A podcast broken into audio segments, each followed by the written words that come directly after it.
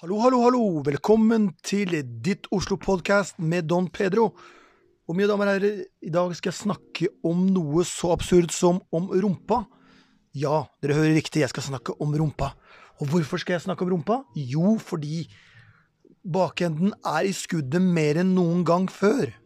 Og hva er grunnen til det? Hvorfor har det blitt slik at det som en gang var, spesielt blant kvinner, et skrekkscenario, at man hadde for stor rumpe. Noe man, man brukte alltid lange T-skjorter, man skjulte rumpa si. Det har nå i 2020 blitt en, en, en, en revolusjon, en, frihetskamp, der rumpa boltres fram mer enn noen gang. Den skal være større enn noen gang. Og det er ingen skam lenger i 2020 å ha stor rumpe, heller tvert imot. Det som en gang var et, et, et, et skrekkscenario, har nesten blitt et statussymbol når vi skriver snart mars 2020. La oss nå ta litt tak i hvorfor er det nå en gang slik at Og det er spesielt kvinnerumpen som da er, tar veldig mye plass, bokstavelig talt. Og det har veldig mye å si med, med sosiale medier. Det har å si med, med stjerner, bloggere, kjente, kjente mennesker som da er i media i en eller annen form også gjennom popmusikken. og uh, Der hvor rumpa har fått veldig mye stor plass. Du har hits, hits som da tar for seg rumpa. Bootylicious, uh, What You Gonna Do With All That Ass, Shake Your Bum Bum. Vi kan fortsette og fortsette i det uendelige. Uh, og uh, folk som Jennifer Lopez, Kim Kardashian ikke minst, Jenny, Jennifer Duff, Beyoncé Dette er eksponenter for den store, store, formfulle rumpa. Og det er, det er en trend som mange kvinner nå øh, følger.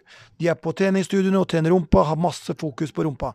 Og, kvinner, og må, kvinnens fokus på rumpa det skiller seg klart ut fra mannens øh, fokus på rumpa. Fordi for en kvinne så kan de snakke om sine rumper øh, fritt og uten skam, og risikerer ikke noe fordommer. Fordi en kvinne kan, de kan snakke med hverandre om at er rumpa mi for liten, er den for stor, er den for bred, er den for flat, har jeg feil fasong? Ikke sant? Mens en, du vil aldri høre en, i hvert fall ikke heterofile menn, snakke om rumpene sine. Jeg kan ikke snakke med kameraten min om sin, rumpa mi, er, jeg er litt misfornøyd med rumpa mi. Hva syns du om rumpa mi? Er den for stor for liten? Det snakker vi aldri om, vi som menn. Men det betyr jo ikke nødvendigvis at vi ikke bryr oss om rumpene våre, men vi er veldig forsiktige med å være vokale om den delen av vår kropp. Men er det slik at det å være fokusert på rumpa er noe nytt. Går vi tilbake og ser det i historisk perspektiv, så er det ikke det. Går vi tilbake til 1400-tallets Italia, så har, øh, finner vi da menn med korte, korte dressjakker og tettsittende, tighte bukser, der hvor øh, bakparten, skinka, syns ganske så godt.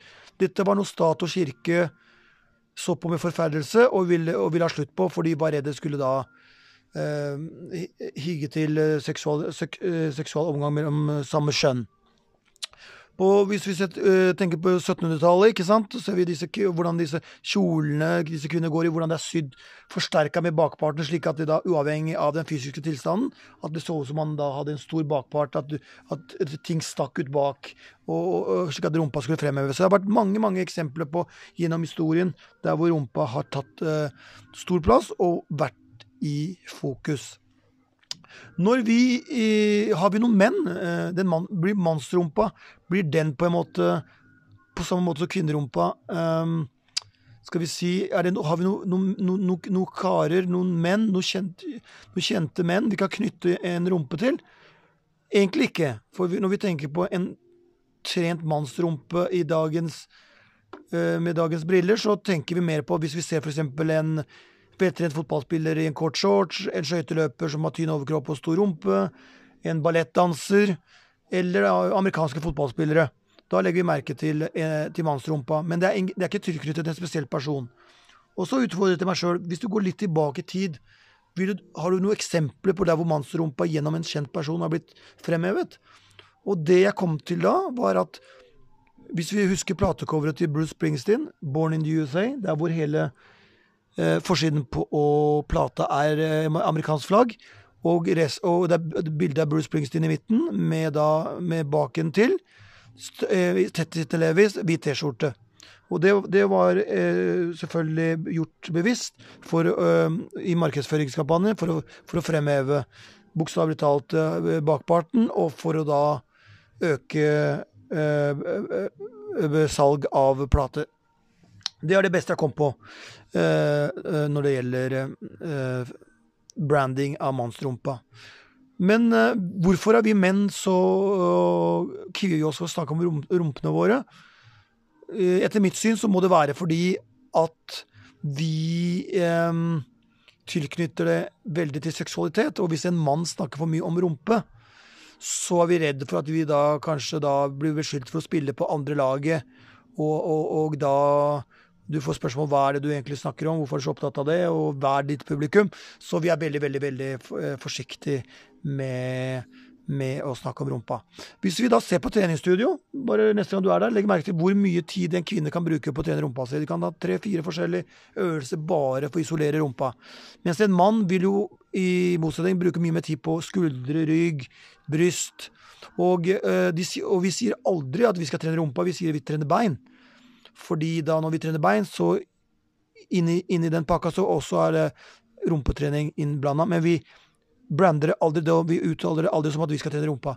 Det, vi er veldig forsiktige og veldig veldig eh, redd for å, å, legge fokus for mye på rumpa. Så vi, sier, vi, sier, vi kaller det for bentrening, ikke rumpetrening. Og, og, det er jo for så vidt interessant. Og da snakker jeg da i den heteroseksuelle verden som jeg kan snakke for. Uh, men i min jobb, som da på en måte, uh, så har jeg også har jeg mye med rumpe, rumper å gjøre, i form av behandling, i form av trening. Fordi at en uh, problem med, rumpa, eller gluteus medius, gluteus maximus og gluteus minimus, som det heter på fagspråket, det er muskulatur som ofte kan være uh, involvert i forskjellige typer problemer.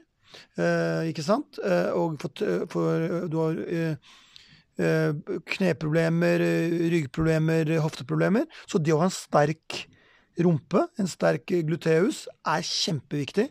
Fordi det er bra for holdningen. Den, den, den gjør at du kan prestere på et høy, mye høyere, høyere nivå når du driver med idrett også. Så sterk rumpe er kjempeviktig. Og man skal bare fortsette å ha fokus på å trene rumpa. Eh, men det interessante i 2020 er at nå skal rumpa være stor, den skal vises fram. Og den, den har fått en skikkelig renessanse. Så eh, vi opplever rett og slett en, en, en rumperevolusjon.